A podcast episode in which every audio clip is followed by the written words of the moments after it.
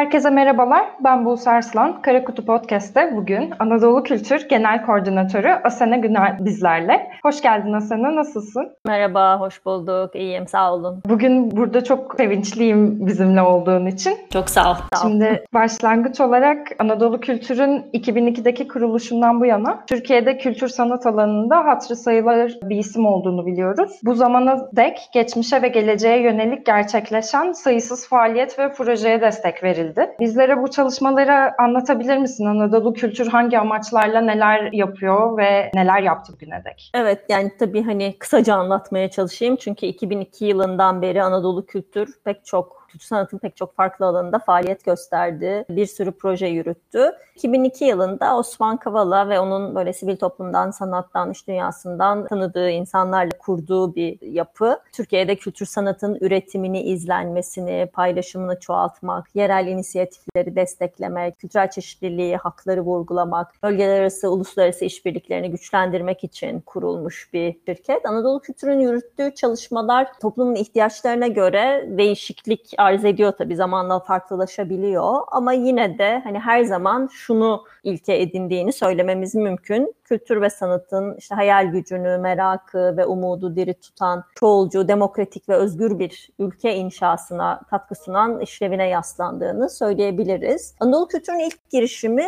Diyarbakır Sanat Merkezi.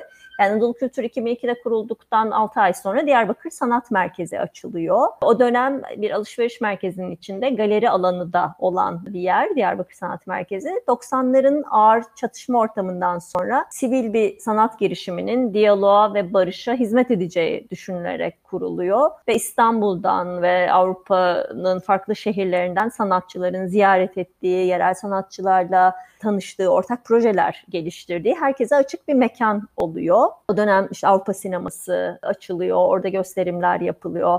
Tabii bu Diyarbakır Sanat Merkezi çevresinden farklı kulüpler çıkıyor. Sinema kulübü hala aktif mesela. Daha sonra yani Diyarbakır Sanat Merkezi galeri alanını kapatıp ofis semtinde daha çok işte şehirdeki mevcut mekanları kullanarak projeler yürüten bir şekil alıyor. Şu anda da orada üç arkadaşımız çalışıyor ve Goethe, İKSV, Frans Kültür, Hollanda Konsolosluğu ve İsveç Konsolosluğu ile beraber yürüttüğümüz Kültür için Alan projesinin mesela şehir koordinatörlüğünü yürütüyor. Kültür için alan özellikle bu belediyelere kayyum atandıktan sonra işte ekipmanı, mekanı, işte ne bileyim geliri elinden alınmış olan kültür sanat oluşumları için iyi bir fırsattı. Hala da öyle. Yani Gaziantep, İzmir ve Diyarbakır'da devam eden bir program bu ve o kentlerin kültürel altyapısını desteklemeye yönelik. Diyarbakır Sanat Merkezi pek çok farklı proje yürüttü, yürütüyor. Bunlardan en öne çıkan hatırlamak ve anlatmak için şehre bak. Orada da farklı şehirlerden gençler bir araya gelip eğitmenlerin işte düzenlediği atölyelerle e, fotoğraf ve video alanında eserler ürettiler. Şu anda mesela BAK kapsamında Diyarbakır, Batman, Mardin'den kadınlar videolar üretiyorlar. Onları yakın zamanda paylaşacağız. Bunun yanı sıra Diyarbakır Sanat Merkezi'nin hazırladığı bu Lis Yayın ile beraber Kürdilit diye bir web sitesi var. Kürtçe edebiyat ve yayıncılık alanının bir tür veri tabanı. Lis Yayın ile aynı zamanda Diyarbakır Edebiyat Günleri düzenleniyor. Onun üçüncüsü bu sene online olarak yapıldı. Diyarbakır Sanat Merkezi'nden sonra 2005 yılında da Kars Sanat Merkezi açılıyor. Kars Sanat Merkezi de bir tek hani Türkiye için değil o Kars'a yakın ülke Ermenistan, Azerbaycan, İran yani bütün bu ülkelerin aslında hani kültürel işbirliğine yönelik bir merkez olarak aslında o kentin tek çok amaçlı salonu olarak hizmet ediyor. Fakat orada belediye değişince Kars Sanat Merkezi de kapanmak durumunda kalıyor. Anadolu Kültür Kars'tan sonra da yani pek çok Anadolu kentinde özellikle kültür politikaları alanında çalışmalar yürüttü. Ee, daha sonra Antakya, Çanakkale, İzmir, Eskişehir, Van, Batman bu şehirlerde çalışmalar yürüttü. İşte mesela bir dönem Tandem diye bir program yürüttü 2011'den itibaren. Tandem programında 20 farklı şehirden katılımcı Avrupa'daki hani partnerleriyle tandem olarak yani ortaklık kurarak e, projeler gerçekleştirdiler. Bu hani bir sergi de olabilir, bir kitap da olabilir, ne bileyim bir film de olabilir. Pek çok farklı işbirlikleri oldu.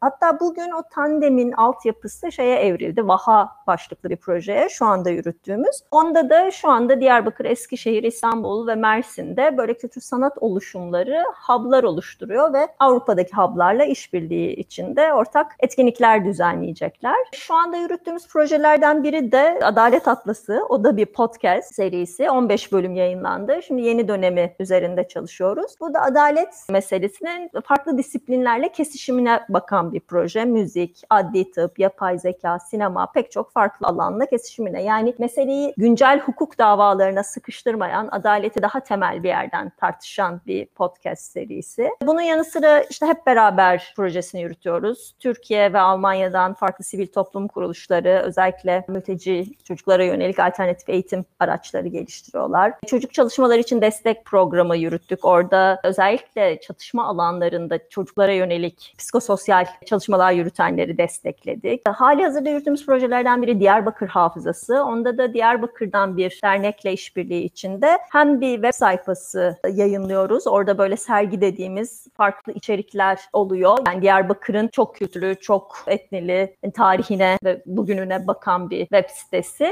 Bunun bir de arşiv kısmı var. Bayağı fiziksel olarak bir arşiv çalışması da devam ediyor. Aynı zamanda biz kültürel mirasla ilgili pek çok proje yürüttük. Suriye kültürel mirasını çocuklara tanıtmaya yönelik projeler, kitaplar bastık, çift dilli kitaplar, animasyonlar hazırladık. Yeni film fonu aracılığıyla pek çok filmi destekledik. Kültürel miras alanında yine Ani ile ilgili işte depoda da sergisini açtığımız bir projemiz oldu. Şimdi onun mobil aplikasyonu üzerinde çalışıyoruz. Depo demişken bu arada Anadolu Kültür'e bağlı kültür merkezlerinden biri de depo. Bu da işte Tophane'deki eski tütün deposu. Şu anda bir kültür sanat merkezi olarak kullanılıyor. 2009'un ocağında ilk sergisini açtı. Depoda İstanbul'da aslında böyle daha bağımsız, eleştirel seslere açık, daha yani erişilebilir ve esnek yapısıyla böyle biraz İstanbul güncel sanat ortamının ya da işte kültür sanat ortamının ihtiyaçlarına cevap veren bir merkez olarak faaliyetlerine devam ediyor. Evet, çok teşekkürler Asena. Emeğinize sağlık. Yapılan çalışmaların oldukça kapsayıcı olduğunu görüyoruz hep birlikte. Burada ikinci kısmı geçerken Anadolu Kültür'ün kurucusu ve yönetim kurulu başkanı olan aynı zamanda bir iş adamı ve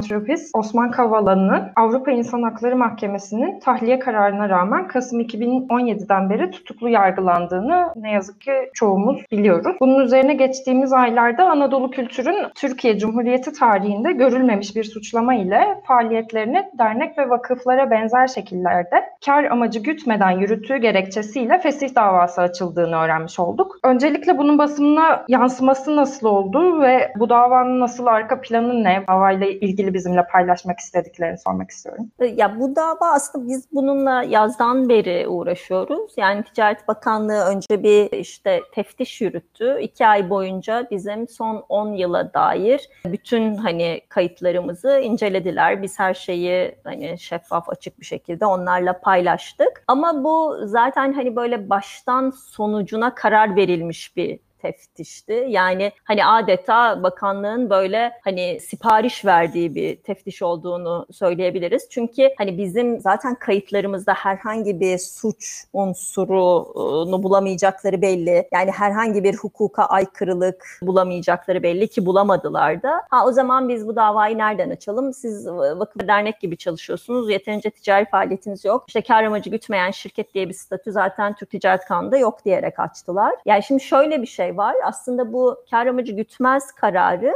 2003'teki bir genel kurulda alınmış ve genel kurullara Ticaret Bakanlığı'ndan yetkili geliyor. Yani o karar alınırken orada Ticaret Bakanlığı'ndan bir yetkili var. Daha sonra o karar Ticaret Sicil gazetesinde yayınlanıyor. Dolayısıyla bakanlık aslında o kararı onaylıyor. Yani siz neredeyse 18-19 yıl buna takılmıyorsunuz. Sonra bir anda aa bir dakika böyle bir karar alınmış bu olmaz diye şirkete dava açıyorsunuz. Yani bu davanın işte hani son derece kötü niyetli olduğu aslında herhangi bir hukuka aykırılık bulamadıkları noktada bunu icat ettikleri açık ama şu anda Türkiye'de zaten hukuk hani böyle icatlarla ilerlediği için yani zaten baktığınızda Osman Bey'e yönelik suçlamalar ve Osman Bey'in artık hani bir işkenceye dönen bugün 1246. gününe ulaşan tutukluluğunu düşündüğünüzde yani Anadolu kültüre açılan bu davaya da şaşırmıyorsunuz. Çünkü hukukun gerçekten suistimal edildiği, araçsallaştırıldığı bir sistemle karşı karşıyayız karşıyayız. Yani bu Osman Bey'in işte ta 2017'de gözaltına alıp işte yani 2017'de 18 Ekim'de gözaltına alınıp 1 Kasım'da tutuklanması ve daha sonra aylarca hakkındaki iddianameyi beklemesi ve ancak 16 ayın sonunda Gezi'den suçlanması yani ve ondan sonra Gezi'den beraat ettikten sonra da casuslukla suçlanıp yine içeride tutulması hani ne şekilde tarif edeceğimi gerçekten bilemediğim bir süreç. Yani o kadar çok böyle hani bu nasıl olur dediğimiz durum var ki artık. Yani hukukta da maalesef yani bütün o sürecin son derece böyle siyasi bir şekilde işlediğini ve hani bağımsız yargı diye bir şeyle karşı karşıya olmadığımızı e, söyleyebilirim. Yani Gezi'yi mesela işte organize ve finanse etmekle suçlandı Osman Bey. Yani sanki böyle 3,5 milyon insanın katıldığı bir toplumsal hareket bir kişi tarafından organize ve finanse edilebilirmiş gibi gerçekten fantastik bir kurgu vardı. Daha sonra işte 6. duruşmadan sonra Ahim'in derhal tahliye kararını aslında dinlemeyen mahkeme bir anda beraat kararı verdi. Biz böyle çok sevindik Osman Bey'i bekliyorduk falan ve yani sevincimiz kursağımızda kaldı. Aynı gün tekrar bu sefer daha önce aslında içerideyken tahliye edildiği darbeyle ilgili bir suçlamadan alındı. Sonra o suçlamayla ilgili uzun tutamayacakları için daha doğrusu iki yıldan fazla iddianamesiz tutamadıkları için bambaşka yeni bir suçlama yarattılar. O da casusluk. Ki casusluk böyle hani diğerleri kadar soyut bir yerden konuşabileceğiniz bir suçlama da değil. Yani çok somut bir bilgi olması lazım. Kim kime neyin bilgisini verdi? Yani bunun hani hakikaten belgesinin olması lazım. Bir de o insanın o belgeleri elde edebilecek bir konumda olması lazım. Tabii Osman Bey için böyle bir şey söz konusu değil. Ortada zaten bilgi belge diye bir şey de yok. Ama en kötüsü yani bunu söyleme gereği, bakın böyle bir belge var deme gereği bile duymamaları. Yani hani bildiğimiz böyle komplo teorileriyle iddianame hazırlıyor olmaları. Maalesef yani Ticaret Bakanlığı'nın yürüttüğü teftiş ve açılan dava da bu süreçten tabii bağımsız değil. Yani bizi çat diye kapatabilirler, kayyum da atayabilirler. Yani bunlar aslında şu anda Türkiye'de olsa çok şaşırmayacağımız şeyler haline geldi. Evet, buradan tekrar Osman Kavala için adalet çağrısı yapalım. Bir kez daha Mayıs 2021'de görülecek duruşmaya. Umarım iyi iyi sonuçlar, adaletin yerini bulduğu bir sonuç alırız demek istiyorum. Ben de umuyorum. Yani 21 Mayıs'a işte şu anda birleştirdikleri Gezi ve casusluk davası birlikte ele alınacak. Yani Gezi'den beraat bozuldu, istinafta bozuldu ve aslında casusluk bir tür o nasılsa istinafta bozulacak ama bu arada onu nasıl içeride tutabiliriz diye bir tür köprü dava olarak açıldı ve yani istinaftan o karar çıkana kadar da casusluktan tutmuş oldular ve aylarca AHİM'e Avrupa Konseyi'ne dediler ki aa bu başka bir suçlama bunlar ikisi farklı suçlamalar. Biz onu Gezi'den beraat ettirdik ama şu anda bambaşka